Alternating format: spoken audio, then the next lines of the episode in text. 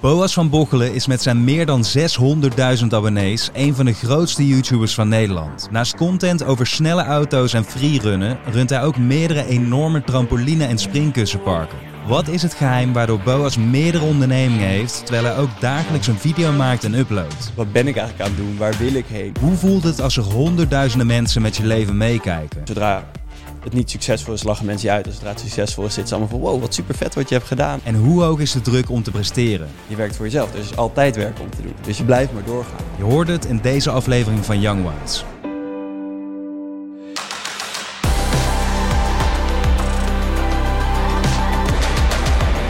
Boas, ik heb één prangende vraag aan jou.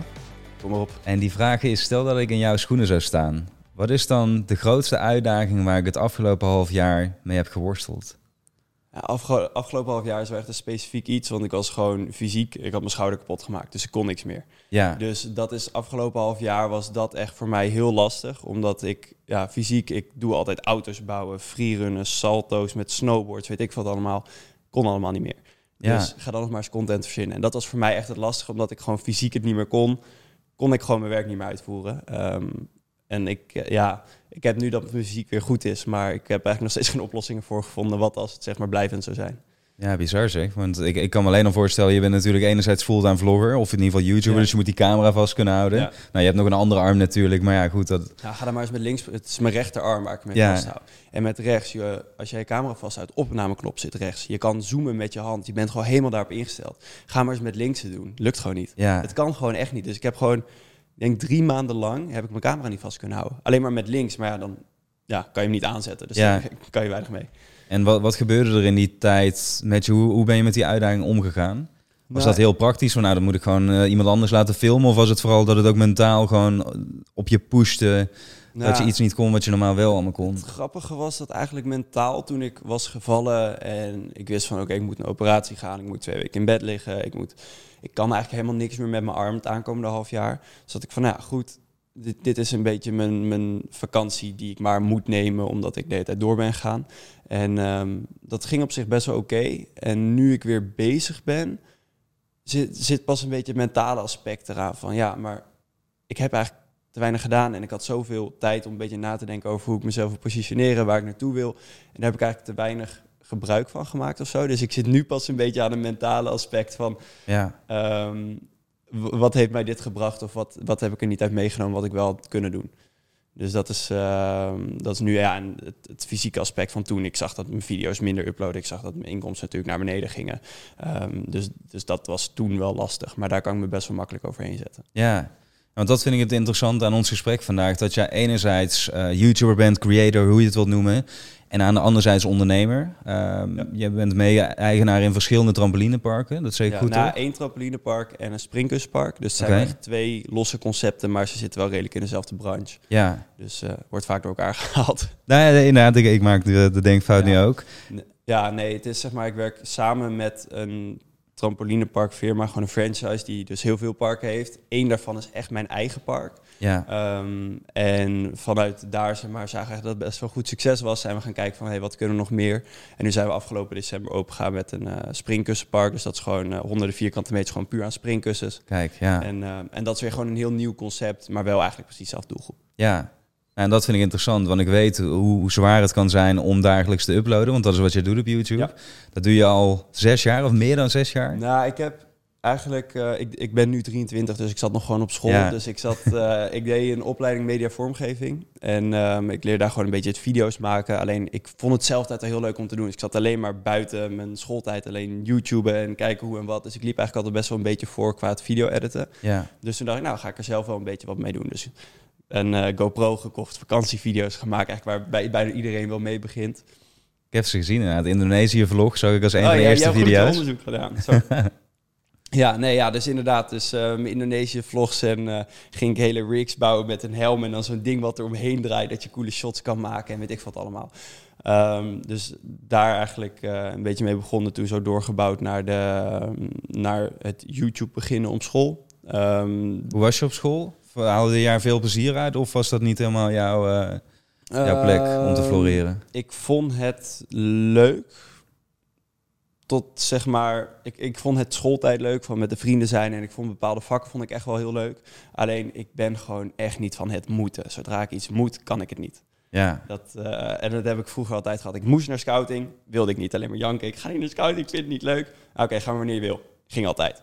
Snowboardles. Ik, je moet op snowboardles. Alleen maar janken. Ja, ga het zelf maar oefenen. Snowboarden, allerbeste wat er is. Ja. Dus, um, dus ik moet het gewoon, ik moet het echt zelf willen en eigenlijk zelf uit, uh, uit gaan zoeken. Um, ja, dus gewoon le leren is echt een hobby van me, alleen niet als het moet. Ja. ja. Dus vervolgens ben je dat, dat YouTube-landschap in uh, ja, geschoten. Dus en um, gewoon met het freerunnen salto's maken, wat ik toen deed, een beetje daar video's van gaan maken. Dat kreeg steeds meer tractie, dus toen werd het eigenlijk steeds meer serieuzere bijbaan. Laten we maar zeggen wat het toen nog was. Dus toen was het één keer per week uploaden. Um, toen uiteindelijk werd het twee keer per week, omdat ik het zo leuk vond dat ik alleen maar steeds meer wilde pushen. En uh, op een gegeven moment, toen uh, was het zomervakantie. Toen gingen we met vrienden op vakantie naar Kroatië. En toen dacht ik van ja, we doen nu elke dag wat vets. Ik maak gewoon elke dag een video. En het was niet per se bedoeld als vlog zijnde, maar gewoon de ene dag ging cliff jumpen, dan gingen we weer een vette auto rijden, dan gingen we weer een reis maken, een berg op, weet ik wat. Ja. Dus elke dag eigenlijk had ik een soort onderwerp waar ik over kon gaan filmen. En toen ben ik gewoon nooit meer gestopt. Toen ben ik gewoon uh, ja, tweeënhalf jaar lang uh, elke dag gaan vloggen. En toen ging het dus steeds meer van de extreme sports, van meer de um, onderwerpvlogs als het ware, naar echt vloggen. Dus soms uh, laten zien um, hoe ik inderdaad mijn broodjes smeerde en weet ik wat allemaal. Ja. Maar een beetje de standaard uh, vlogdingen. Um, hoe reageerden mensen in jouw omgeving daar dan op? Want ik kan me voorstellen dat ja. je, als je dan met een camera rond gaat lopen en, en nogmaals in Nederland, ik weet niet eh, waar je vandaan komt. Ja, ik kom uit Amersfoort, dus op zich een, soort, ja. een relatieve stad waar mensen ja, wel dingen gewend zijn. Um, maar omdat ik heel erg een onderwerpvlogger was, dus was het inderdaad in een trampolinepark was ik aan het filmen of ik was um, in een auto aan het filmen. Dus ik ja, was okay, niet ja. heel erg bij random mensen die gewoon dan mij opeens met de camera over straat zagen rennen. Ik ben ook helemaal niet van in de stad gaan opnemen en mensen filmen en zo. Daar ben ik echt niet, uh, niet van. Maar dus daar, daar kreeg ik niet heel veel gekke reacties van. Mijn ouders waren het op zich wel. Die vonden het gelijk wel oké. Okay, vonden Ja. het wel leuk wat ik deed. En ik was gewoon lekker aan het buitenspelen, aan het freerunnen. Dus, uh, dus zij vonden het eigenlijk alleen maar een mooi iets. Dus op zich qua reacties niet, uh, niet hele gekke dingen. Nee, precies. Omdat je ook wel eens hoort van als mensen dan, zeker als ze nog op school zitten, dingen gaan uploaden, dat in de klas ineens iedereen dat gaat bekijken. Weet je, dat het ook een beetje Ja. een ding is waardoor je misschien ontmoedigd raakt om dat te gaan doen. Ja, ja, ik had het geluk een beetje daarin. Ik deed zeg maar die, die vakantiefilmpjes die je dan had gezien, dat konden mensen wel zien, maar daar, ja, daar kan je wel op gaan haten. Maar iedereen precies, doet dat ja. een beetje. Dus, um, dus daar was eigenlijk niks heel geks mee. En toen ik social media ging doen op mijn opleiding, was iedereen op zich was 16, 17. Dus dan ben je wel redelijk volwassen genoeg om zeg maar uh, mensen er niet mee te gaan pesten, hoop ik. Um, Zou het zeggen? Ja. en, um, en ik had best wel het geluk dat ik een, um, een bekende YouTuber zeg maar gelijk leerde kennen. Door hem ben ik het ook een beetje gaan doen. Dus het groeide gelijk heel snel. Dus mensen zaten meer van, wow, je hebt gewoon al 5000 volgers binnen een week. Ja. En dat, dat was vooral dat mensen dan, maar, vonden het eerder vet dan dat ze zeiden van, ha, je krijgt drie views en wat zit jij nou weer Ja, kijk, ja. En dat is natuurlijk het ding. Zodra het niet succesvol is, lachen mensen je uit. Zodra het succesvol is, zitten ze allemaal van... wow, wat super vet wat je hebt gedaan. En uh, ik heb echt altijd al respect voor je gehad. Dus, ja. um, dus daarmee had ik een beetje het geluk dat ik die awkward fase heb overgeslagen. Ja, want eigenlijk had je een soort van, van skyrocket dan meteen in het begin, waardoor in ieder geval meer is dan wanneer je, wat jij zegt, inderdaad de eerste video's uploaden, een paar views en dat mensen zeggen van ja, wat, wat wil je hier nou eigenlijk mee? Ja. Wat, wat probeer je hiermee te, te bereiken? Ja, en dat is een beetje altijd die awkward fase waar iedereen in Ja. zit. Dus um, nee, daar heb ik wel heel veel geluk mee gehad. En in het begin deed ik het ook nog samen met een groepje en deden we echt gewoon freerun video's maken. Dus gingen we gewoon de hele dag trainen en dat filmden we eigenlijk. Um, en het was met een groep, dus dan is het altijd al is het een beetje wat verdeelder, zeg maar. Omdat Ja, iedereen precies, een beetje zijn aandeel erin heeft, is wat minder, uh, minder gek. En toen na acht maanden ben ik zeg maar, op mijn eigen kanaal verder gaan in mijn eentje. Ja, en had je toen ook al meteen het idee van hé, ik wil hier een carrière van maken of mee gaan ondernemen? Of was het puur van ik vind het gewoon het freerunnen zo leuk en het filmen daarvan maakt me verder niet zoveel uit. Het is gewoon top wat ik nu doe en Nee, eigenlijk dat. Het is echt gewoon van hobby mijn werk gemaakt. Dus ik uh, vond de video's maken leuk. En uh, ik had eigenlijk helemaal niet echt in mijn hoofd dat het... Ik, ik was helemaal niet bezig met mijn toekomst, met wat voor baan ik wilde doen. Ik kon filmpjes maken leuk, van vrienden leuk. Ja, ik ging dat gewoon lekker ja, doen. En um, mijn opleiding duurde toen nog drie jaar. Dus ik dacht, ja, ik heb nog drie jaar de tijd om uh, een beetje uit te zoeken wat ik wil gaan doen. En gaandeweg werd gewoon de inkomsten werd steeds wat hoger, de volgers werden steeds wat meer. Je kreeg opeens branddeals erbij. Je kreeg gewoon opeens duizend euro om een bedrijf te promoten. Dat je zat van ja, hey, dit, dit, dit kan gewoon. Dus toen eigenlijk ja. gaandeweg is het gewoon mijn werk geworden zonder er echt een keer de keuze van ja, moeten maken van... hey, nu stop, stop ik alles en ga ik dit doen. Ik zat gewoon op mijn opleiding en het ging gewoon heel geleidelijk eigenlijk. Ja, en tot op de dag van vandaag doe je het nog steeds. Dus het is wel een... Als je ernaar kijkt hoe zwaar die druk eigenlijk is om continu weer nieuwe video's te verzinnen en te blijven maken en te blijven uploaden. Ik denk dat het vaak wordt onderschat hoeveel werk en hoeveel uren filmen er in een video van bijvoorbeeld 10 minuten zit. Ja. Hoe, hoe is dat bij jou allemaal ontwikkeld? Want in het begin nogmaals, je bent jong, je hebt volle passie, je, je springt erin. Mhm. Maar ik kan me ook voorstellen dat je op een duur een keer tegen de eerste muur aan gaat lopen. Ja, waar je erachter nou, komt van oh, hoe, hoe krijg ik dit verder of hoe, hoe blijf ik dit volhouden? Ja, ik, ik heb echt, ja, het klinkt heel stom misschien, maar ik heb daar heel erg het geluk mee dat ik heel simpel daarin ben.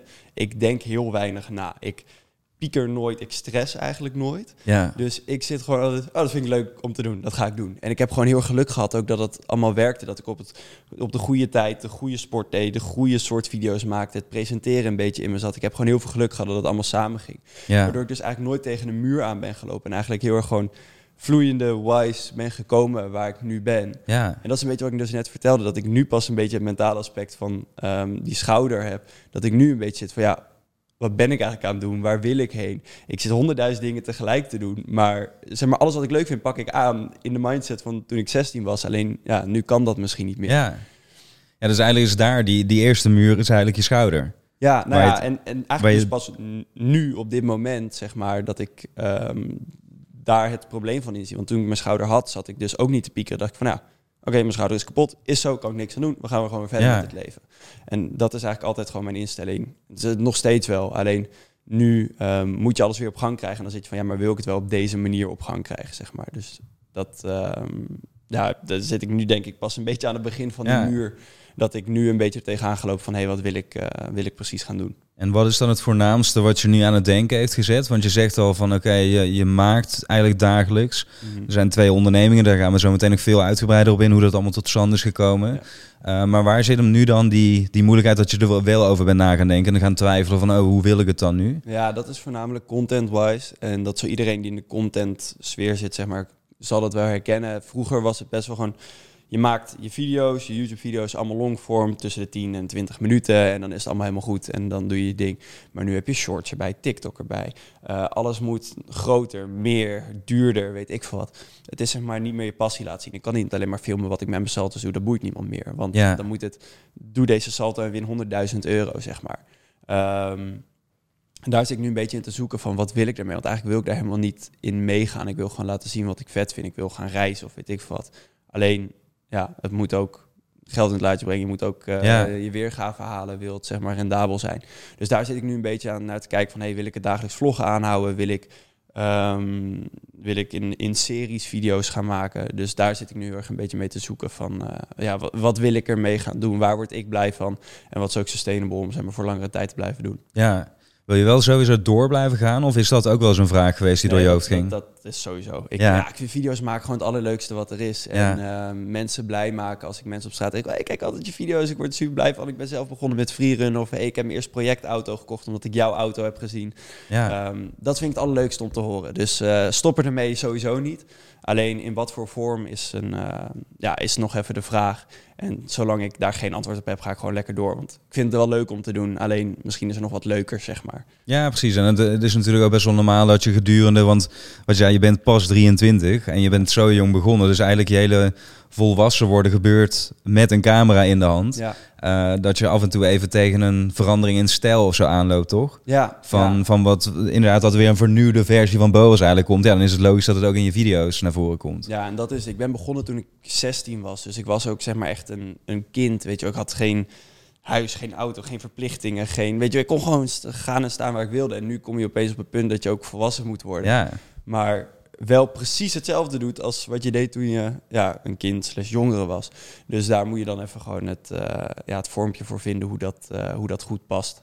precies. Ja. En inmiddels heb je wel een huis, heb je wel een auto, meerdere auto's. Ja, iets te veel. ja. Ja, nee, klopt. Dus dat, dat is het, eh, het ding dat ik nu heel veel dingen erbij. Ik heb werknemers. Ik heb, nou, ik heb zeg maar mijn ZZP wat allemaal om eh, YouTube heen draait. Ja, kun je me dat eens inhoud? Laten we dat eens, eh, als je het goed vindt, een soort breakdown doen van hoe ziet, eh, laten we zeggen, de holding Boas Ja. eruit? Wat is een beetje stru- de structuur van jouw bedrijf? Ja, ik heb eigenlijk zeg maar mijn ZZP, dus dat is eigenlijk een beetje mijn wat vanuit hobby is gekomen. Dus dat is Ja. gewoon het video's maken. Ik heb een eigen kledinglijn, zeg maar wat gewoon mijn merchandise is. Ehm, dat valt eigenlijk allemaal onder de, de ZZP. En daar heb ik gewoon een personal assistant en een cameraman slash editor in dienst. Ja, Dus die werken eigenlijk daarbij. En dat zijn mensen wie ik gewoon dagelijks echt spreek, waar zeg maar alles mee gedaan wordt. het is eigenlijk een team van drie personen, inclusief jij, Ja. runt het hele creator gedeelte. Ja, eigenlijk wel. Ja. Ja. Dat is, eh, en dat is dus de ZZP-kant. En dan heb ik dus mijn trampolinepark, ehm, heb ik mijn springkussenpark.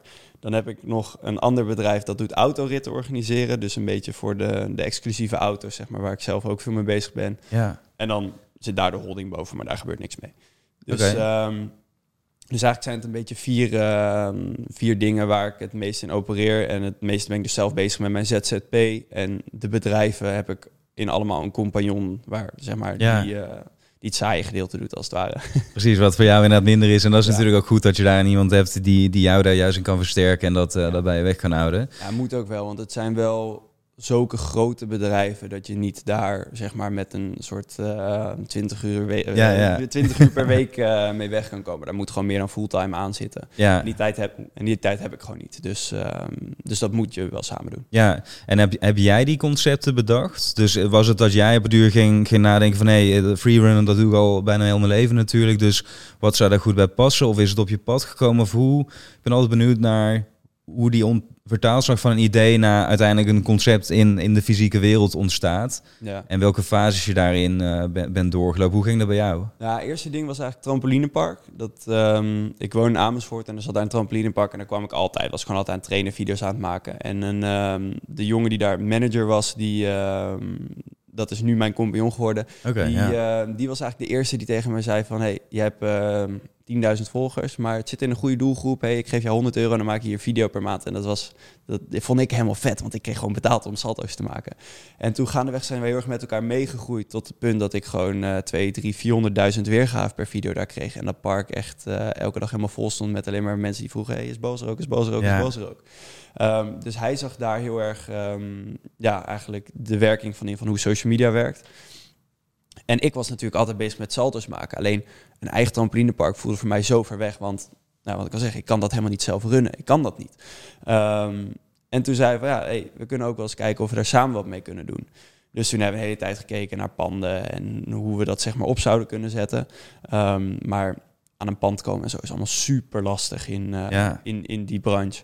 Ehm, Ja, want je hebt gewoon heel veel vierkante meters nodig, toch? Het zijn Ja, enorme je- gebouwen. Je hebt en heel veel vierkante meters nodig, maar ook een hoogte. Je moet er leisure in mogen doen. Je moet een horecavergunning hebben. Dus zeg maar alles bij elkaar, het complete plaatje, is gewoon super lastig om te krijgen. En eh, op een gegeven moment kwam dat dus eh, op ons pad, omdat corona toen eh, begon. En toen was er een pand waar mensen in zouden gaan, maar dat kon niet meer. Ehm, dus het kwam er vrij te staan. Dus toen hebben wij dat eigenlijk eh, een soort samen aangepakt. En voor mij ook nog wel echt een sprong in het diepe, want ik had nooit een trampolinepark gerund. Ik wist alleen maar hoe je reclame moest maken als het ware voor het trampolinepark. Dus toen, ehm, toen zijn we er samen eigenlijk ingesprongen in coronatijd om dat eh, helemaal eh, op te zetten als het ware. In met de veronderstelling van, nou, corona zal zo meteen wel over zijn eh, en dan gaan we gewoon lekker open. Ja, want dat is wel belangrijk inderdaad. Dat duurde wat langer dan verwacht. Dus toen eigenlijk alles, eh, alles opgezet. En dat, eh, dat park zit in Ede. Ehm, wij kwamen allebei niet uit Ede, dus we kennen heel Ede niet. Dus we moesten echt ook onderzoek gaan doen van... Hoe, hoe zit Ede in elkaar? Waar komen je springers eventueel vandaan? Ja. Ehm, dus, ehm, dus daar eigenlijk de hele corona-periode heel veel mee bezig geweest. Waar kwamen jullie op uit? Want dit is inderdaad eigenlijk belangrijke van waar zit onze doelgroep hier in dit nieuwe gebied? Nou ja, Ede is niet per se heel groot, maar je hebt wel veel dorpen, steden eromheen liggen, zeg maar. En het is geen AA-locatie. Dat, dat is gewoon zo. Dan moet je gewoon Ja. in een grote stad gaan zitten. Maar ehm, ja, wij waren er wel van overtuigd dat eh, met zijn kennis van hoe je een park goed laat runnen, mijn ehm, social media power en zeg maar alles gecombineerd, dat wij een eh, goed lopend park neer zouden kunnen zetten. Dus uh, zo handen in één geslagen en, en dat eigenlijk begonnen. Dus hele corona daarmee bezig geweest. Toen dachten we, nice, we gaan open. En toen was er nog steeds corona. Ja. dus toen uh, echt nog wel een hele tijd dicht geweest. echt kwakkelend een beetje vooruit gegaan. Dat we een keer een dagje open mochten. Of dat we met vijf man tegelijk mochten. Maar ja, dan was je stroomkosten ongeveer al hoger dan dat het Ja, wauw, ja. Um, maar dat was meer gewoon een soort van ja, publiciteitsstunt. Van oh, we zijn open en oh, je kan erheen. Dat er echt een soort hype omheen gecreëerd werd. Um, en we hadden daar gewoon dagen. Er was helemaal niemand bij de park. Er stond gewoon twintig man voor de deur. Gewoon wachten tot er maar een teken Ja. van leven was. Allemaal door de ramen naar binnen kijken. Want iedereen Van wilde- jou. Ja, gewoon volgers die wilden weten wat er aan de hand was. Dus er was zo'n hype omheen. Ja. Ehm, wat voor ons natuurlijk super was. Ehm, dus ehm, toen de eerste, eerste dag mochten we open. Wij zaten in zo'n testdag in corona van... hey, kan het weer zo'n dag open? Helemaal afgeladen, helemaal vol. Ja, dat is dan wel een kippenvel Ja, momentje... dat je gewoon ja, meer dan een jaar ergens naartoe hebt gewerkt... het hele park hebt zien bouwen... en dat opeens gewoon vol zit. En allemaal blije mensen in dat park... die, eh Ja. die er gewoon van... ik krijg gewoon kippenvel als ik het eh, nu er weer over Ik zie heb. het, ja. Wauw. Ja, nee, dat, dat is echt super vet. En dat is gewoon vet om zoveel mensen blij ermee kunnen maken. En dat een project waar je zo lang mee bezig bent ook gewoon Ja, werkt. ik kan me ook voorstellen, omdat jij, we hadden het net natuurlijk al over views. Maar ja, views zijn natuurlijk niet echt de mensen die voor je staan. Nee. Dus dat deze parken voor jou ook een manier zijn daadwerkelijk om een soort van, ja, die mensen daar, je ziet het fysiek voor je. Ze staan in een ruimte. Ja, Dus dat het ook een beetje letterlijk manifesteert voor je ogen wat je eigenlijk al die tijd al had opgebouwd natuurlijk. Want Ja. ja, je hebt een relatie met die mensen opgebouwd waarvan jij misschien nog niet eens weet dat die met diegene natuurlijk bestaat. ja, dat is heel gek. Zij zijn bevriend met jou en jij hebt geen idee wie het is.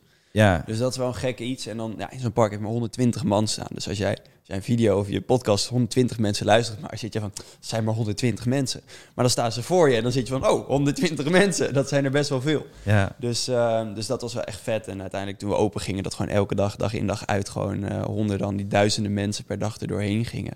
Ja, echt super vet om te zien. Ja, wauw. Dus ehm, En misschien een eh, persoonlijke vraag, nou eigenlijk een zakelijke vraag. Want ik heb ook, eh, als je het over doelgroep en doelgroeponderzoek hebt, veel onderzoek gedaan bij jonge slash startende ondernemers. Van hey, wat houd je nou eigenlijk tegen om de stap te wagen? Eén ding wat vaak wordt genoemd is een netwerk. Van ja, ik heb nog geen netwerk, dus ik kan niet starten. Andere is, ik heb een startkapitaal nodig. Ehm, maar dat heb ik niet, dus eigenlijk is het, het gevolg weer, ik kan niet starten. ja. Hoe is dat bij jou gegaan? Want je zegt net al van nee, überhaupt zo'n locatie, alles wat in die locatie komt te staan, is ook niet gratis. Uh, Als we nu kijken naar de energietarieven, maar dat was toen natuurlijk nog wat Toen minder. was dat nog oké. Maar waar kon jij het startkapitaal vandaan halen? Was dat dus vanuit je ZZP, wat, Ja. jij, wat je altijd had opgebouwd? Ja, dat was echt gewoon mijn YouTube zijnde. Ik eh, woonde nog thuis. Ik eh, had toen net mijn eerste auto gekocht, maar ik verdiende echt al best wel goed geld. Dat Ja. was eh, dus coronaperiode. Dus iedereen zat thuis, iedereen was YouTube-video's aan het kijken. Ik had gewoon 10, 12 miljoen weergave per maand. Wauw, ja. Dus ja, daar verdien je echt best wel flink geld mee. Dus ik had eh, daarin echt wel een, eh, een startkapitaal om ook inderdaad zo'n groot bedrijf op te kunnen Ja. zetten. Ehm, ik heb het echt niet in één keer allemaal uit mijn eigen zak kunnen betalen. Dus je moet een deel zelf betalen.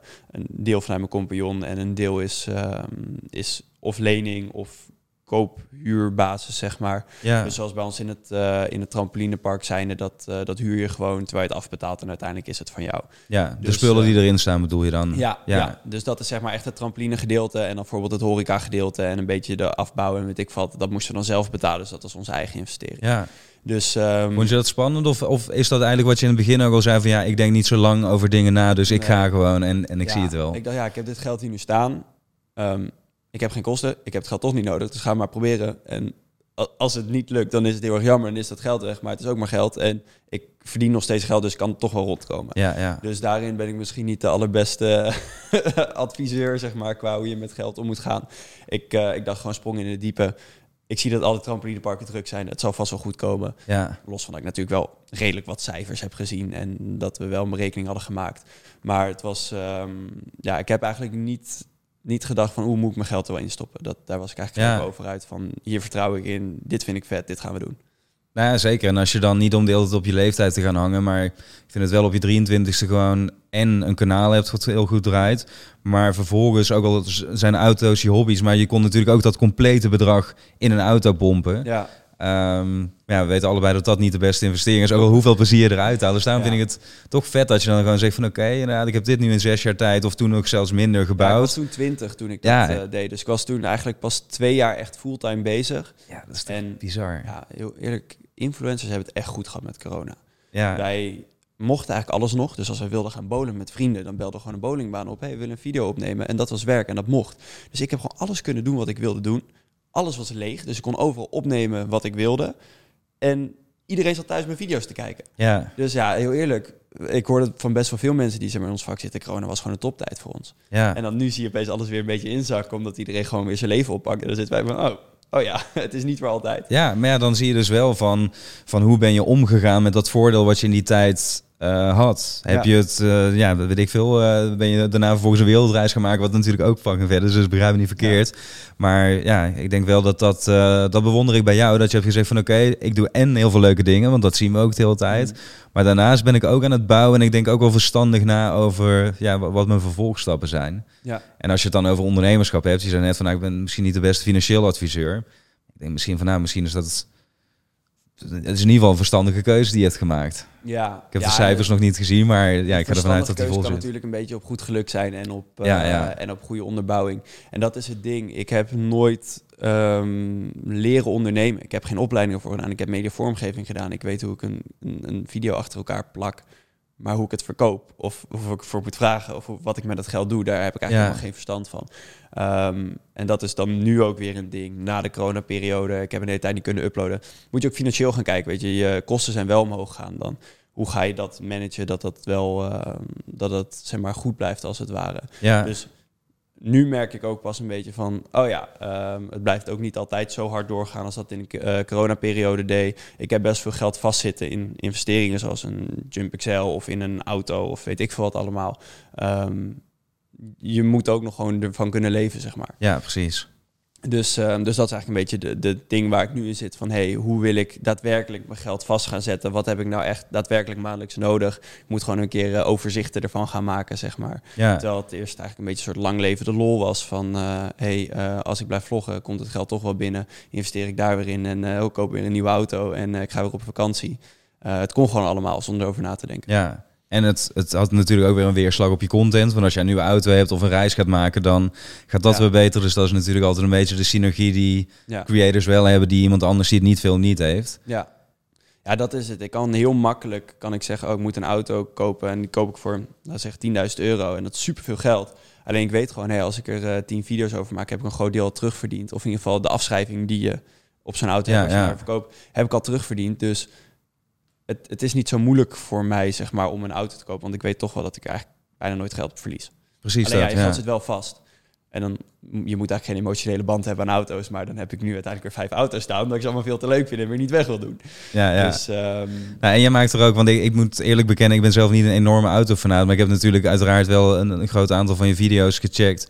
En je maakt er ook hele projecten van, toch? Dus niet gewoon ik koop ik zet hem in de garage. Maar er wordt nog zoveel mee gedaan. Dat het wel een hele, zelfs voor niet-autofanaten, superleuk is om naar te kijken eigenlijk. Ja, ja, en dat is een beetje het ding. Ik ben echt tot mijn 19 heb ik ook dus helemaal niks met auto's gehad. Ik wist het verschil tussen een Audi en een Mercedes niet eens. Ja. Toen kreeg ik mijn... Uh, rijwijs had ik eigenlijk nog steeds niks mee. En toen was ik een vriend van mij, die had een, een of andere Japanse auto van 1000 euro. En die had hij een beetje getuned en leuk gemaakt. Dus ik dacht van, hey, dat is eigenlijk best wel leuk. Ja. Dus toen uh, gaandeweg daar een beetje ingerold. En omdat ik dus financieel in de positie was om ook echt daadwerkelijk dingen ermee te gaan doen, um, ja, ging dat echt in de sneltreinvaart. En nu heb ik dus uh, inderdaad drie, goed zeggen, ja, drie auto's die, uh, waarvan je geen enkele andere in de wereld zo kan vinden. Um, ik heb uh, een camper gekocht, of eigenlijk een bus gekocht die ik om ga bouwen naar camper. Ja. En dat is dan weer zo'n ding, dat bedenk ik van, uh, oh, dat lijkt me echt leuk. En dan zit ik een maand lang, krijg ik opeens op mijn Instagram natuurlijk weer allemaal camper dingen, omdat ik twee keer heb opgezocht. Ja, ja, dat moet ik echt gaan doen. Dus koop ik een camper. Daar heb ik nu een camper van gebouwd. En denk ik van, ja, waar moet ik eigenlijk heen met dat ding? Ja. Dus... Um, Dus ik koop heel veel dingen, maar dan wil je hem ook weer niet wegdoen, want je hebt er zo lang aan gewerkt en weet ik wat allemaal. Dus het is um, enerzijds wil je het allemaal hebben en is het allemaal super vet, maar anderzijds, ja, je hebt er ook helemaal niks aan en je geld zit alleen maar vast en je kan er niet meer investeren en doorgaan. Ja. Dus, um, dus ik moet daar op een gegeven moment ook gewoon een keer uh, de knoop doorhakken van, hé, hey, we gaan alles eruit doen, we gaan weer een bedrijf opstarten, we gaan weer, uh, weer verder daarmee, zeg maar. Ja, en hoe zie je nu, uh, want eerst was natuurlijk je volledige inkomen volledig uit het creëren. Nou, toen zei je van een goede peri periode tijdens corona gehad geïnvesteerd in een bedrijf, is het nu ook steeds meer aan het verschuiven dat je zegt van hé, hey, de parken die beginnen al te renderen? Of is dat nu nog, kan dat niet zo snel, omdat je dus ook al die kosten hebt gemaakt? Um, nou, de, je moet zeg maar als manager zijn, dat moet je uitbetaald krijgen uit het Ja. park. Dus daar heb ik gewoon inkomsten uit en dat gaat allemaal weer naar een holding toe. Dus dat gaat niet naar mij privé. Dat hou ik daar vast en dat gebruik ik om te herinvesteren. Dus we hebben ehm Jump XL opgezet. Ja, En Jump XL, dat loopt goed. Nou, die management fee, die krijg ik zeg maar allemaal in die holding. Dat staat daar vast. Toen wilden we een nieuw iets beginnen. Een nieuw trampolinepark of nou, uiteindelijk het Springkuspark geworden. Al dat geld staat daar nog vast, dus dat stop ik weer in het volgende bedrijf. En ik vanuit die allebei krijg ik nu maandelijks geld. En dan gaan weer een bedrijf in en dan gooi ik het daar weer in. Dus eigenlijk is het maar mijn ZZP is mijn fun geld van leefpotje, Ja. zeg maar. En mijn bedrijven, daar, ik heb nog nooit een euro uit een bedrijf gehaald. Ik heb gewoon al dat geld blijft erin, gaat in het volgende bedrijf. Dus ik heb ehm, mijn startinvestering vanuit mijn ZZP daarin gedaan. Dat blijft er ook in zitten. En dat, dat circuleert nu zeg maar de tijd door naar steeds nieuwe bedrijven. Waardoor het voor mij ook wel makkelijk is als ik mijn ZZP-geld zeg maar allemaal opmaak of weggooi of wat ik er ook mee doe. ja. Dan ehm, wacht ik een maand en heb ik weer management fee uit het andere bedrijf en dan kan ik daar eventueel weer van gaan leven. Dus dat is wel een soort van lekkere stok achter de deur dat er altijd wel ergens geld binnen blijft komen. ja. Maar mijn doel is eigenlijk om naar de aankomende tien jaar nog steeds niks uit te halen. Of als er geld over is, ga ik het investeren in eh, indexfunds of weet ik wat allemaal. Of in nieuwe bedrijven. Ja. En hoe is die, want je zei eerst van nou, ik heb één compagnon, daarmee zijn we dat samen gaan doen. Hij had al heel veel operationele ervaring. Ja. Eh, dus kon dat compleet oppakken. Jij deed eh, in ieder geval de hele marketing, maar ook, zei je eerder in ons voorgesprek, productontwikkeling. Want Ja. jij weet natuurlijk wat mensen leuk vinden en je krijgt ook letterlijk die feedback allemaal te zien. Ja. Maar als je naar locatie 2 gaat, wordt dat denk ik al moeilijker, toch? Want dan kan jouw compagnon bijvoorbeeld niet meer op beide locaties tegelijk zijn. Dus Nee, dan... nee, ja, dat is de kracht van een goede manager hebben. Ja. En die hebben wij gelukkig gevonden, waar we heel blij mee zijn. Dus die doet eh, eigenlijk een soort eh, ja, district manager. Die doet eigenlijk allebei de parken een beetje overzien. Ja, Ehm, we hebben in Ede hebben we dan een heel goed iemand zitten. Dus die hebben we een beetje naar Eindhoven getrokken om daar mee te kijken, om daar de opzet goed te hebben. En uiteindelijk creëer je natuurlijk, of krijg je nieuw personeel en daar creëer je weer gewoon een goede vaste basis uit die daar weer op kunnen pakken. Dus dat, ehm, dat is met een beetje puzzelen altijd wel, eh, kom je daar wel uit. nou, dat wil ik zeggen. Dat is een behoorlijk... eh, als je eenmaal ligt, dan, dan is het een fijne puzzel. Maar om hem gelegd te krijgen... En hoe, hoe intensief ben jij daarbij betrokken dan? Nou, eigenlijk heel weinig. Ik probeer zo min mogelijk operationeel erbij te zijn, omdat ik daar dus ook niet de know-how van heb om daadwerkelijk ehm, toegevoegde waarde te geven. Dus ik wil het heel graag volgen, ik wil er heel graag van leren. En ik heb ook wel veel geleerd, waardoor ik wel redelijk wat weet. Ja, Maar ehm, ik zie mij operationeel niet in de positie dat ik het beter weet dan dat mijn compagnon dat weet. Of Nee, dan zelfs mijn ja. manager dat weet. Want die loopt daar gewoon eh 60 uur per week over de vloer. Dus die weet het zeg maar wel wat beter. ja. Ehm, dus ik zit eh, vooral met social creatie, zichtbaarheid, kwaliteit van het park, indeling van het park, nieuwe attracties, zeg maar op, op die fiets. ja, wat Dus, nice. ehm, En wat zijn dingen die jij hebt geleerd waar wij weer van kunnen leren? Want ik vind ten eerste wat je net al zei. eh, ik vind het ook tof dat je dat deelt, die structuur eigenlijk. En wat je vertelt over de management fees. Maar tegelijkertijd ook de wetenschap dat het bedrijf in waarde toeneemt. En dat jullie gewoon een geoliede machine hebben gebouwd waar jij niet per se voor nodig bent. In ieder geval niet op Ja. dagelijkse basis. ja. Ehm, dat is een heel. Ehm, hoe noem ik dat? Als jongere zie je die systemen vaak niet. Want het is natuurlijk achter gesloten deuren. Ja. Vaak werd dat alleen maar in eh, directiekamers besproken natuurlijk. Ja. En dat is hetzelfde een beetje dat systeem met woningen verhuren en zo. Het voordeel wat je daarmee kunt creëren, et cetera. Dat hoeven we nu niet te gaan bespreken. Maar toen ik dat voor het eerst hoorde... Ik kom uit een simpel eh, gezin uit Weer. Dus mijn vader was vrachtwagenchauffeur. Wat top is, maar wij hadden die gesprekken niet aan de keukentafel. Nee. En toen hoorde ik dat en dacht ik ineens van... Oh, wauw, er is een soort heel nieuw spel. En ik heb dit spel nog nooit gespeeld, maar ik wil er alles over weten. Ja, als je eenmaal weet een beetje hoe geld werkt en hoe je geld voor je kan laten werken, dan is het een hele mooie wereld. Maar heel veel mensen komen nooit op het punt om zeg maar een, een, een startbudget te hebben. Dus om een huis te kopen, om het Ja. te verhuren of om een trampolinepark te zetten of weet ik wat. Het is, het is echt, echt best wel een grote investering die je moet hebben. Ehm, en daarom dat dus veel mensen het niet weten. En nou, je vader misschien als vrachtwagenchauffeur zijnde heeft nooit zoveel gespaard dat hij de optie had om daar überhaupt over na te gaan denken. Nee, dat, dat kan Dat- bijna niet als je Nee. gewoon een, een standaard salaris verdient. Natuurlijk kan je daar stukjes van opzij gaan zetten, maar om daarmee de eh, investering bij, het, bij elkaar te krijgen, bijvoorbeeld voor zo'n park, ja, dan kun je lang sparen. Dan eh, ben je al bejaard voordat het park begonnen is, zeg maar. Ja, ja, dus dat, dat. ja. Ja, en dan moet je ook nog eh, de know-how hebben en dat allemaal zien te vergaren. En er Ja. zit natuurlijk zoveel tijd in dat je, je kan, je moet eigenlijk zeg maar een, laten zeggen, een ton sparen. 20.000 euro daarvan pakken om zeg maar een jaar lang vrij te nemen om alles te onderzoeken en dan 80.000 euro te kunnen investeren. Ja. Ga jij maar eens aan een ton zien te komen met normaal werk, met de prijzen van nu. Dat is gewoon niet te doen. ja. Het is, ehm, ja, En als je nog nul ondernemerservaring hebt en je zou het ergens gaan lenen, dan zou je natuurlijk kunnen afvragen: van, ja, maar is dat dan wel een verstandig besluit? Want je hebt nog nooit Ja. die route bewandeld. Dus Nee, ja, En het is gaat wel iemand- heel risicovol. En dat, daar heb ik gewoon heel erg het geluk mee dat ik ehm, met het social media per ongeluk eigenlijk in een leuke business was gerold, waardoor ik zonder al te veel erbij na te denken, zeg maar, investeringen heb kunnen doen. ja, Ehm, en daar weet ik ook wel dat ik daar echt heel veel ja, geluk mee heb gehad, slash voor heb gewerkt, zeg maar. Goede tijd, goede timing is altijd. Ja. ehm, is Wat- altijd wat zijn slechte investeringen op ondernemersgebied die je wel eens hebt gedaan? Waarvan je nu zegt van nee, dat zou ik niet nog een keer doen, maar ik moest hem wel doen om erachter te komen dat ik het niet nog een keer moet doen. Mm, nou, ik heb zeg maar mijn, eh, wat ik vertelde met mijn ZZP-geld, zeg maar, dat is een beetje mijn, eh, mijn fun money als het ware. Dus daar eh, koop ik mijn huis van. En is natuurlijk ook gewoon een goede investering, maar eh, dat is niet per se bedrijfsmatig wat ik hoef te investeren. Dus kan ik auto's van kopen, kan ik op vakantie gaan. En eigenlijk ben ik, omdat ik veel geld ging verdienen, daar veel te veel geld aan uit gaan geven. Dus daar had ik eigenlijk gewoon een financieel Ja. adviseur moeten hebben die zegt van, hé hey, eh, gast, doe eens even normaal. Je gaat eh, twee keer per dag uit eten al drie maanden lang. Ehm, dat is een beetje onnodig en daar gaat een beetje veel geld naartoe. Alleen ja, op dat moment dacht ik van ja, boei mij het. Het is eh 30 euro, zeg maar, elke keer dat je uit Ja. eten gaat. Dat is niet het geld waar ik, ehm, ja, waar ik echt de pijn van ga voelen. En als je dat nu achteraf bekijkt, denk je echt van, oh, waar was ik mee bezig? Wat ben ik aan het doen? Ja, Ehm, ja, ik had het net met een van je jongens eh, hier erover dat ik schoenen aan heb. ja. En ze, ja, die gaan wel voor heel veel, zeg ik. Ja, dat klopt. En die heb ik toen de tijd gekocht, omdat ik dacht van ja, het kan allemaal wel. Want het, het- ja, ik kan het leiden. En dat ik nu echt zit van ja, het is, het is zo onnodig allemaal. ja.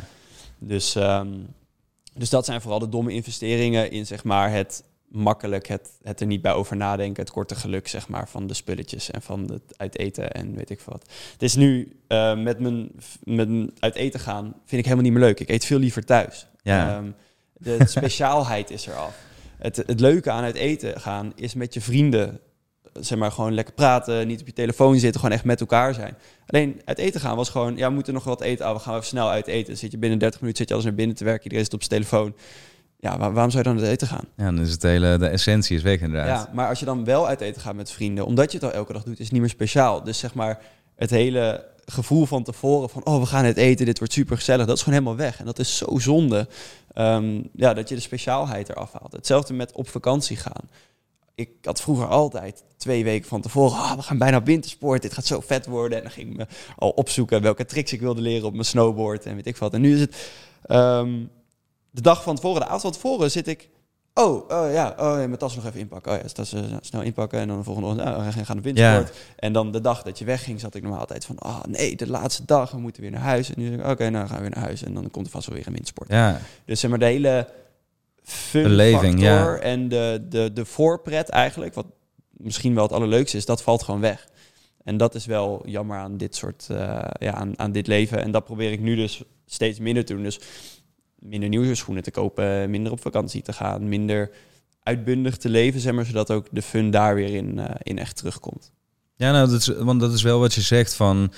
überhaupt die online wereld gaat natuurlijk steeds sneller... en komt met steeds meer kanalen en binnen die kanalen vormen van content waarin je je kunt bewegen. Ja. En ik kan me voorstellen dat juist die snelheid op een gegeven moment je in gaat halen. Je zei het Ja. eigenlijk al met je, met je schouder, toch? Van ja, als je elk normaal mens gaat een keer om iets even uitvallen... Ja.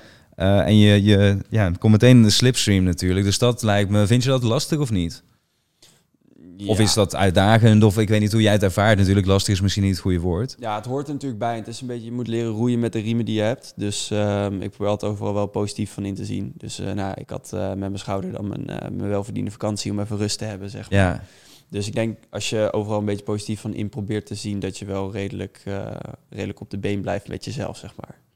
Dat, eh, ja, dat je hem daarmee altijd wel redt. ja, precies. Maar dus niet dat jij denkt van... hé, hey, op het duur met socials, het gaat zo snel... van je moet inderdaad of keuzes gaan maken. Wat denk ik ook een belangrijke eigenschap is toch als ondernemer... van op het duur weten waar je ja en nee tegen zegt. Ja. Ehm, en daarbij zie je dan ook, kan ik me voorstellen... van nou, het liefst wil je overal van alles doen en overal scoren natuurlijk. Wat je zegt dat die getallen goed blijven. Ja. Maar er komt ook een punt dat dat natuurlijk niet meer kan. Dat het meer focus nodig heeft van oké, wat wordt het nu eh, waar ik naartoe wil bewegen. Waar sta je nu in dat denkproces? Was je dus al een aantal... Ja, nu denk ik dat ik echt op het punt sta zeg maar, van minimaliseren. Gewoon uh, zoveel, zo, zoveel mogelijk eruit, zo min mogelijk vaste dingen hebben... en de paar dingen die je doet goed doen, zeg maar. Ja. Um, dus uh, minder, uh, minder YOLO-mode leven eigenlijk, zeg maar. Um, en ben de laatste tijd ook wel steeds meer bezig met milieubewust daarin te zijn. Dus uh, eerst had ik 40 paar schoenen in mijn kast, waarvan ik de helft eigenlijk niet ja. één keer of twee keer heb gedragen. Maar ik zag ze online ik dacht van, oh, het ziet er goed uit. Dus gewoon al zulke soort dingen gewoon niet meer doen. Gewoon uh, eigenlijk weer een beetje terug naar een soort van normaal leven proberen te gaan. Want hoe leef jij? Wat zijn bijvoorbeeld jouw routines en qua gezondheid? Want de enerzijds zeg je YOLO en, en het uitbundige levensstijl, maar volgens mij ben je anderzijds ook best wel op structuur en gezondheid, toch? Want anders is jouw leven ook bijna niet vol te houden. Nee, ja, ik probeer wel steeds meer, steeds de structuur erin te houden, zeg maar. Um, dus gewoon niet ja, ik kan tot 12 uur gaan slapen als ik wil, maar dat, dat wil ik niet. Daar word ik zelf ook niet blij van. Dus ik probeer elke dag al gewoon rond een uur of acht op te staan. In de winter dan, in de zomer vaak om 7 uur. Maar elke ochtend doet het nog steeds weer pijn om op te staan. Maar toch wil ik het doen om een beetje die structuur erin te houden. Om gewoon een beetje een normaal leven te leiden. Um, en ik wil nu ook wel steeds meer toe naar ook misschien een dag vrij in de week. Want dat doe ik eigenlijk nooit. Ik heb gewoon geen verschillende dagen. Het is gewoon, als er werk is, wat gedaan kan worden, dan ga ik dat doen. Ja. Maar ja, je werkt voor jezelf. Dus er is altijd werk om te doen. Dus je blijft maar doorgaan. Dus probeer nu ook af en toe gewoon even een, een halve dag of een dag gewoon eventjes uh, rustig aan te doen. Dus je hebt jarenlang eigenlijk gewoon zeven dagen per week, uh, los van dan, ja, maar tijdens die vakanties was je ook aan het werk. Want ja. dan was je aan het filmen en dan moet geëdit worden. Dus. is altijd het zwaarst. Want dan ben je de hele dag, soms vroeg tot s'avonds laat, leuke dingen aan het doen. Nou, voor mij is dat dus leuke dingen filmen. Dus dan ben je alleen maar bezig met ook GoPro erbij, dit erbij, dat erbij, drone de lucht in, bla bla. Dus je wordt ook een soort van geleefd om, zeg maar... Je bent de vette dingen aan het doen, maar je bent alleen maar je achterhoofd bezig met... hoe, hoe leg ik dit vast, hoe kan ik ja. dit doen? En dan kom je s'avonds thuis en dan gaat iedereen chillen. En dan stel jij je laptop open en dan ga je beelden importeren en dan ga je editen, zeg maar. Dat heb ik gewoon twee jaar lang gedaan. En dan uh, ja, zeven uur ochtends opstaan tot twee uur s'nachts uh, editen. En dan uh, dat zeven dagen per week. Wauw, ja. Nou, en ik, ja, ik was 18, dus ik kon het toen qua energie best wel goed. Ik zou dat nu echt niet meer kunnen. Um, maar ja, en toen van daar een beetje editors in dienst gaan nemen en zo om, om ja. dat te verlichten. Um, en ik weet dus niet of ik nu een soort van gemakzucht heb gecreëerd omdat ik mensen in dienst heb, heb om dat soort dingen te doen. Maar ik zou het nu echt, echt niet meer kunnen. Om gewoon elke dag... Uh, elke dag eigenlijk bijna een soort film aan het, aan het maken en regisseren, toch? Ja. Want je zegt, ook al is het wel real life vaak toch is het inderdaad, die drone moet op het juiste moment bijvoorbeeld als jij met je snowboard ergens langs afraast voorbij komen, want anders ga je het zeker nog een keer opnieuw doen. Ja, ja, dat is het. Het, het. het, lijkt altijd heel makkelijk gewoon van, oh, het gebeurt toch wel. Je hebt toevallig de camera aanstaan, maar best wel veel dingen denk je over na. Want iemand gaat iets geks doen. Oh nee, wacht, wacht, ik moet even nog een GoPro neerzetten. En ja. Je moet wel de hele tijd een beetje je achterhoofd aanstaan. En ik vind het altijd een beetje stom klinken om vloggen een zwaar beroep te noemen op een of andere manier. Ik voel me nog steeds een beetje bezwaard als dat is. Maar ik denk echt wel dat het mentaal heel erg, uh, heel erg slopend kan zijn. Um, als je er echt, uh, echt in opgaat, zeg maar. Ja. Maar jij hebt dat dus nog niet ervaren. Nee, nee, ja, ik denk dat ik op het goede moment dus een editor en cameraman in dienst heb genomen. Dus nu heb ik gewoon iemand die eigenlijk elke dag met me mee is, die gewoon uh, alles uit handen neemt. Dus ik, uh, ik hoef alleen maar te checken wat er online hoeft te komen, zorgen dat ik er echt achter sta en uh, optimalisatie. Dus nu zijn YouTube Shorts weer helemaal een ding, dat ik me daarin ga verdiepen, dat ik ga kijken hoe ik dat ja. op ga zetten. Want wat zijn dingen waar jij nu voor ziet voor mensen die ook luisteren, die, die met YouTube bezig zijn, waarvan je zegt van ja, als je wilt groeien, want ik kan me voorstellen dat in periodes van tijdsverloop wordt het natuurlijk steeds moeilijker voor nieuwe mensen in ieder geval of kanalen om te groeien. Ja, ja dat, dat is het wel. Het wordt steeds moeilijker. En het, het is een beetje jammer, maar tegenwoordig zie je de enige mensen die echt nog hard groeien, doen groot Amerikanen na. Ja. Dus, nou ja, Mr. Beast kent iedereen inmiddels wel. Alle influencers die afgelopen jaar, twee jaar, zeg maar, echt hard zijn gegroeid, zijn allemaal Mr. Beast copycats of Eric copycats. Dus het is met een, um, ja, met een nieuwe niche kom je er bijna niet doorheen. Dus wil je in één keer een hoog bereik halen, um, dan zal je eerst eventjes mee moeten gaan op de trends die er zijn. En als je dan eenmaal een bereik hebt, dan kan je het inderdaad dan, uh, naar je eigen manier. Ja. En dan heb je weer de, het risico dat mensen je volgen voor de content en niet voor jou. En als je hem dan opeens content gemaakt ja. dat om jou gaat, dan boeit het ze niet meer. Um, en dat heb ik een hele tijd gehad met freerunnen. Ik deed alleen maar freerunnen. En mensen kennen me daarvan. Mensen volgden me voor de salto's. En als ik opeens ging vertellen wat ik vanochtend op mijn boterham had gegeten, zaten ze van ja, maar dit boeit mij niet. Ik wil gewoon zien dat je salto's maakt. En ik zat denk ik nog net in een tijd dat die transitie mogelijk was om, om het naar een persoonlijk iets te halen. En dat wordt wel echt steeds moeilijker. Ja. Dus ja, ik zou eigenlijk ook niet eens weten hoe nieuwe mensen dat moeten doen. En vind je dat dat persoonlijk aspect bij jou, is dat fijn of is dat ook wel eens moeilijk geworden? Want als jij die 20 mensen voor het park, dat werden er op het duur, kan ik me ook voorstellen, 100. En je laat al heel veel zien de hele tijd. Ehm, dus ik kan me voorstellen ook wel hoe leuk dat ook is. Want het is natuurlijk, en zeker in het begin, als je denkt van holy shit, wat vet. Maar ook dat is natuurlijk een extra werkdruk. Want die mensen kijken altijd of digitaal mee, of ze staan letterlijk ergens bij je, Ja. je werk of bij, bij thuis. Ja. Nou, het is voor mij heel fijn dat als ik een dag dus niet al te veel te doen heb, mensen volgen mij alsnog omdat ze gewoon benieuwd zijn wat ik doe. Dus Ja. je hoeft niet altijd de Eiffeltoren te beklimmen of een driedubbele salto met je snowboard te doen. Dat is het fijne aan vloggen. Ehm, je hoeft niet out of your way te gaan om, eh, om mensen te entertainen. Ehm, maar ja, je krijgt inderdaad ook dat mensen aan je huis staan of eh, bij het trampolinepark of weet ik wat. Dus je, je leeft er nog een veel groter stuk privé voor in dan als jij gewoon content maakt waar je de presentator van bent. In Ja. plaats van de, jij bent het en wat je doet maakt eigenlijk niet zo uit. Dat zijn Precies, wel ja. twee verschillende vlakken, denk ik, op een, op een social media. Iets als dit is, ehm, het gaat meer om het gesprek wat er zijn, de manier hoe er geïnterviewd wordt. Maar heel stom gezegd, ben je vervangbaar. Zeker, Iemand ja. anders kan niet gaan zitten. Als iemand anders beter zou interviewen en eh, het leuker zou doen, dan ben je vervangbaar. Maar ehm, een, bijvoorbeeld een Enzo, die doet dat supergoed. Mensen willen echt weten wat hij doet. Dus zet iemand anders, laat iemand anders zijn kanaal uploaden. Niemand kijkt, Nee. niemand boeit het, want mensen vinden Enzo leuk. Enzo vertelt zijn leven op, op een manier dat mensen het leuk vinden. Het is een beetje de leadzanger van de band, toch? Van haal je de Ja. gitarist weg. Nou, dat kan nog wel. Eh, afhankelijk van welke band, maar even Ja. eh grosso modo. Maar bijvoorbeeld Kensington nu, de zanger stopt ermee. Ja, we hebben bij het Direct bijvoorbeeld gezien dat het kan. Maar in principe heb je dan wel een groot probleem. Ja, En ik ben het helemaal met je eens wat je zegt over mij bijvoorbeeld. Van, eh, en dat vind ik ook wel weer het mooie eraan soms. Als je een merk hebt, kun je sommige dingen binnen het merk eruit halen. Maar als het merk blijft staan, dan weet je ook dat je merk hebt. maar dat is net, net En- welke kant je zeg maar met je brand strategy op wil. Van Ja, Wil je echt een brand worden? Of wil jij een persoon zijn? Dat Precies, mensen aan ja. jou gebonden zitten. En ik denk dat persoonsgebonden is ehm, langer houdbaar, als het ware. Omdat ja, mensen blijven jou volgen. En zolang jij content eruit blijft eh, gooien... Ja, mensen, je stapt niet zomaar heel makkelijk uit iemands leven, zeg maar. En het is gewoon als iemand stopt met een vlogger kijken... die zo twee jaar kijken, zegt alsof je een vriend opgeeft, zeg maar. ja, Terwijl als jij een, ehm, nou ja, een, een, gewoon video's maakt over snowboarden en na een tijdje denk je van, nou, ja, snowboarden vind ik niet meer zo interessant, dus kijk het niet meer. Dat is veel makkelijker op te geven dan die ja, vriend. ja. Dus daarin is het, denk ik, houdbaarder. Alleen, je hebt wel minder opties. Nou ja, zeker. En dit zeggen ze ook vaker over onder andere sportscholen. Maar het geldt eigenlijk ook wel voor jullie parken. Van als je daar vrienden maakt en er ontstaat dus een community. Ja, een vriendschap zet je niet zo snel op. Maar als je puur voor de, de toestellen komt, bijvoorbeeld in een gym. Ehm, Als er een betere gym is, ga je daarheen. precies, we noemen even het merk met de oranje letters. Iedereen kent ze. Ja, ik sport er ook omdat toevallig dicht in de buurt is. Maar als er iets beters in de buurt komt, ben ik weg. Ja. Ehm, dus, dus dat is ook als ondernemer vind ik altijd heel erg interessant. Precies wat je zegt. Van oké, bouw je echt een band op. Dan gaat die band misschien wel een hele leven lang mee. Maar is het puur een, ja, een logootje of een product, dan kan het natuurlijk sneller, eh, Ja. sneller ingewisseld worden. Ja, dus dat is altijd een beetje, zeg maar, als jij ehm, ook de social media begint, ehm, op welke manier wil jij hem insteken?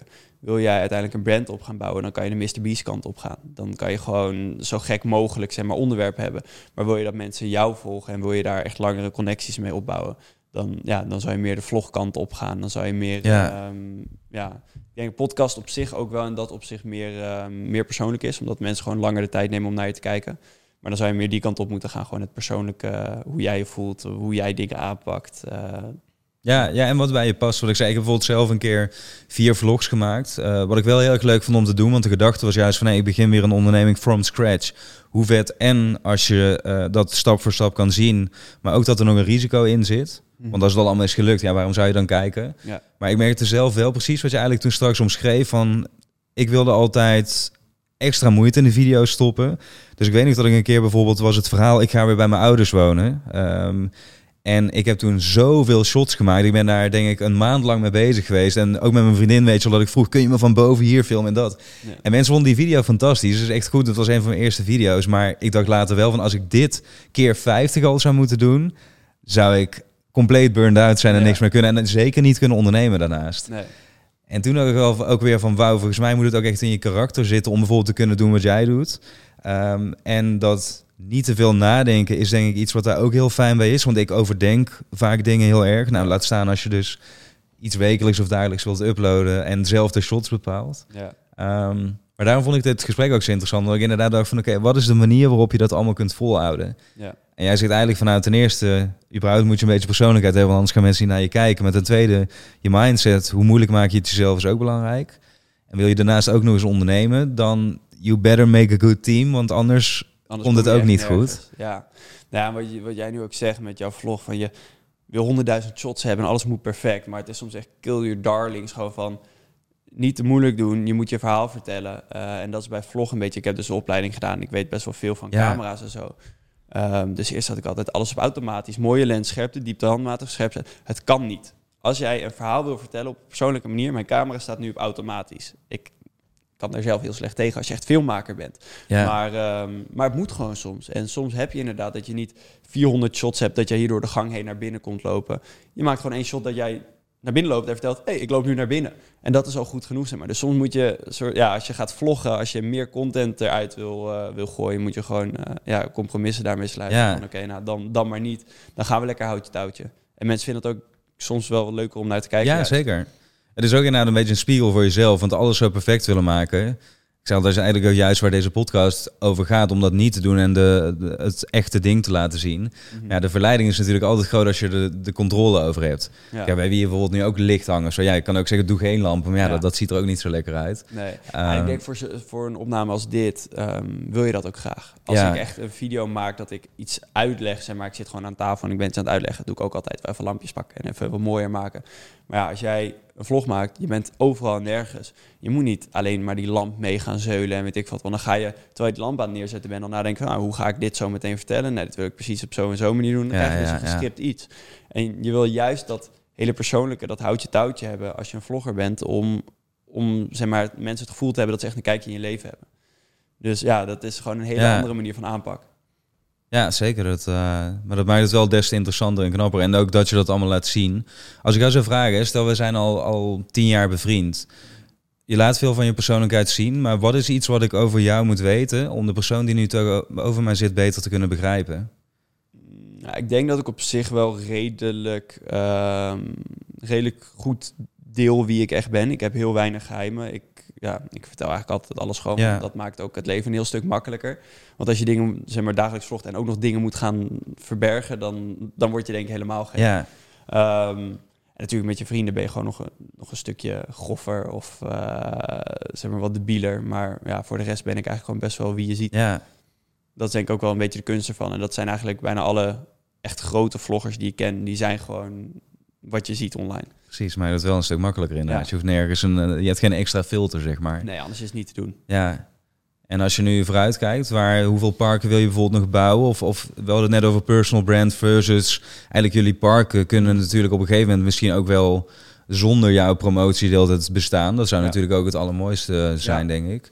Waar, waar zie jij het nu, eh, ook omdat je nog zo jong bent eigenlijk, denk je daar überhaupt over na? Of denk je van, ik zie wel gewoon hoe het, hoe het vult. Net zoals met die garage met de auto's, de ene keer staan er vijf, dan weer drie. Ja, Het is allemaal prima. Het is een beetje, ik kijk wel hoe het loopt, zeg maar. Ehm, en ik ben nu nog nooit op het punt geweest dat ik opeens zit van... oké, ik moet nu echt wel iets gaan doen, anders dan kan ik niet meer rondkomen... of dan loopt mijn park niet meer, of weet ik veel wat.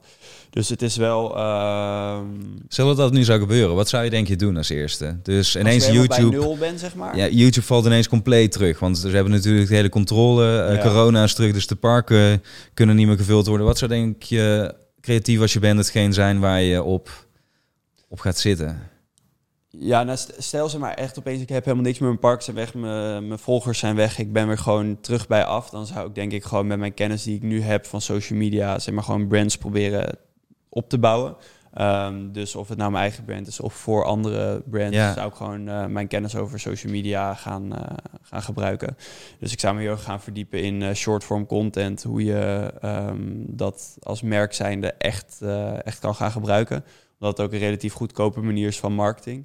Uh, met een, uh, een TikTok zijn de ads zijn daar gewoon veel goedkoper dan dat je dat, uh, dat op YouTube doet. Ja, zeker. Dus ik zou me daar heel erg in gaan verdiepen, gewoon concepten daarvoor gaan schrijven en uh, een volle bak op de marketing gaan. Ja.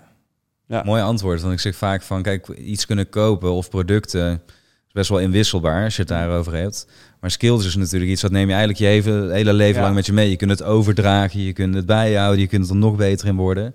Ja. Eh, dus dan zie je ook eigenlijk de echte waarde inderdaad die je hebt opgewaard. Even los van al het materiële is natuurlijk dat. Van al die kennis en expertise, die, eh, ja, die Ja. laat zich niet zomaar kopiëren. En dat is het wel. Als je marketing een beetje onder de knie hebt, kan je natuurlijk alles verkopen.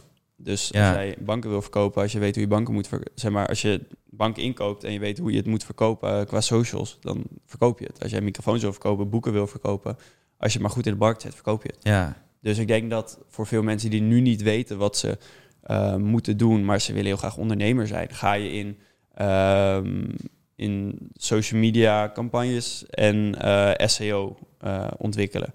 Gewoon kijken hoe kan ik een website optimaal benutten en hoe kan ik dat via socials gewoon wegzetten. En ik denk dat het dan relatief makkelijk is om, eh, om zeg maar wel een oké lopende business op te zetten. ja. Want je brengt eigenlijk natuurlijk geld binnen bij andere bedrijven. En ja, dat is natuurlijk veel waard voor die bedrijven Ja. weer. Ja, en Dus als je dan het je zelf waarde- doen, white label is tegenwoordig ook zo makkelijk. Je gaat op Alibaba, je zoekt een, eh, een, een product op, je bestelt er een sample van en je verkoopt het door. Het, ja, Ja, het kan allemaal heel makkelijk. En dan moet je niet op dat dropshippen gaan zitten, wat tegenwoordig natuurlijk helemaal... ik wil zeggen, want dat is verboden worden in deze podcast. Dropshippen, Ja. dat... eh, Ja, ik, ik heb daar nooit zo erg mee gehad. Nee, maar ja, als je zelf een kleine inventory doet, dus stel Precies, jij ja. hebt voor bedrijven een tijd de marketing gedaan en je hebt eh 5000 euro gespaard. En je koopt een keer eh 10 banken in en je gaat ze verkopen voor eh 40% Ja. Nou, dan koop je na 14 banken in en dan koop je nou, weet je. Dus zo kan je gewoon, zoals elk bedrijf zich opbouwt, gewoon van kleine stapjes omhoog gaan. En dat is het fijne bij, ehm, als jij de basis al weet van hoe jij websites opbouwt, hoe je je marketing doet, kan je elk product, het kan een product van een euro zijn, kan je al mee beginnen. Dus dan kan je eigenlijk met een investering van eh 100 een stapje voor stapje naar het opbouwen. In plaats van meteen Ja, het hoogste van het hoogste willen... want elk bedrijf is op zoek naar platform. Maar zodra je platform weet te creëren, kan je elk bedrijf laten lopen. Waarom doen bedrijven eh, tv-campagnes, bushokjes, influencers? Omdat ze platform nodig hebben. Omdat anders weet niemand dat het bedrijf bestaat. Maar als je kan zorgen dat iedereen weet dat je bedrijf bestaat, maakt niet uit welk bedrijf erachter zit. Ja, Dus dat is ook wat ik nu doe. Ik, heb, ik ben zeg maar de uiting. Ik kan het aan de man brengen. Dus ik open nu bedrijven, zodat het allemaal gewoon gaat lopen. Ehm, ja, en dat dat eerste deel eigenlijk al een beetje uit de weg is. En als je dan gewoon oké bedrijf neerzet, dan loopt het gewoon goed. Ja, dus jij zegt eigenlijk van als je de doelgroep weet te bereiken, kun je er altijd een, een product of Ja. een dienst bij, bij matchen. En dan weet je ook wat hun probleem is, dus wat dat waard is voor hun. Ja. En dan heb je gewoon business natuurlijk. Ja, ja, dat is echt het allerbelangrijkste. Je doelgroep weten en deze kunnen bereiken. En dan kan je er alles aan koppelen wat je wil. Super goed advies, man. Dat is een hele sterke. Ja. Is er nog iets, denk je, wat we niet hebben besproken, waarvan je wel belangrijk vindt dat het, eh, dat het out there is? Kan anything zijn, iets waar je nu persoonlijk of, of juist zakelijk dat je zegt van hé, dat hebben we nog niet aangeraakt, maar is wel belangrijk voor mensen om te weten. Eh, enigszins, en dat is dus wat ik vertelde waar ik nu dan een beetje mee zit, om gewoon te kijken van, hey, neem ook eens rust voor jezelf. Kijk even waar je staat. Als je altijd alleen maar door gaat plannen, ook eens een keer gewoon een week in. Ga in, in je eentje in een huisje in Vlieland zitten. Gewoon even bedenken wat je nou aan het doen bent. ehm, waar je naartoe wil. Dat is denk ik Ja. wat- wat, ik nu precies op dit moment een beetje aan het leren ben. Om, eh, om alles wat meer op rij te zetten en even wat, eh, wat rust soms te nemen. Ehm, dat dat voor heel veel mensen belangrijk kan zijn. En Wat, wat brengt jou dat? Wat haal je daar nu? Want eerst zei je, jij kon altijd maar doorgaan, maar wat haal je nu hieruit dat het het wel de moeite waard eh, maakt om het te doen? Ik denk dat het een stuk meer rust kan geven. Dus Ja. dat, je, dat je meer een jaarplan hebt in plaats van hey, we zien morgen wel weer wat, wat de dag brengt. Ehm is tot een, ja, een hele tijd leuk totdat je zit van ja, maar waar zijn we eigenlijk naartoe aan het werken? Want Ja. het is leuk om naar een doel, doel toe te werken. En ik denk als je af en toe even die, eh, die pauze daarvoor neemt om dat te doen, dat dat eh, een stuk beter gaat. Kijk, vind ik een mooi eh, advies om mee te eindigen, man. Ik wil je bedanken Mooi. Voor je tijd. Van nogmaals, ik weet dat je druk bent met die content continu, maar ik wil je ook vooral bedanken om je eerlijkheid. Ehm, en ik weet dat dat ook voor jou misschien als vanzelfsprekend wordt ervaren. Ik heb best wel wat persoonlijke vragen gesteld, ook over hoe bijvoorbeeld je bedrijfsstructuur in elkaar Ja. zit. Dat hoef je niet te vertellen, zeg maar. Maar dat zijn juist wel net de insights waar jonge ondernemers heel veel uit kunnen halen om daar zelf weer verder mee te kunnen komen. En wellicht dat er een lampje gaat branden van hé, wellicht- als hij het zo doet, dan kan ik daar ook iets mee. Ja. Dus dat eh, Ja, ik waardeer ik leuk enorm. om mensen te kunnen helpen. Dus eh, ik hoop dat eh, het iemand helpt. Is je zeker gelukt. Ja, thanks man. Mooi, dankjewel.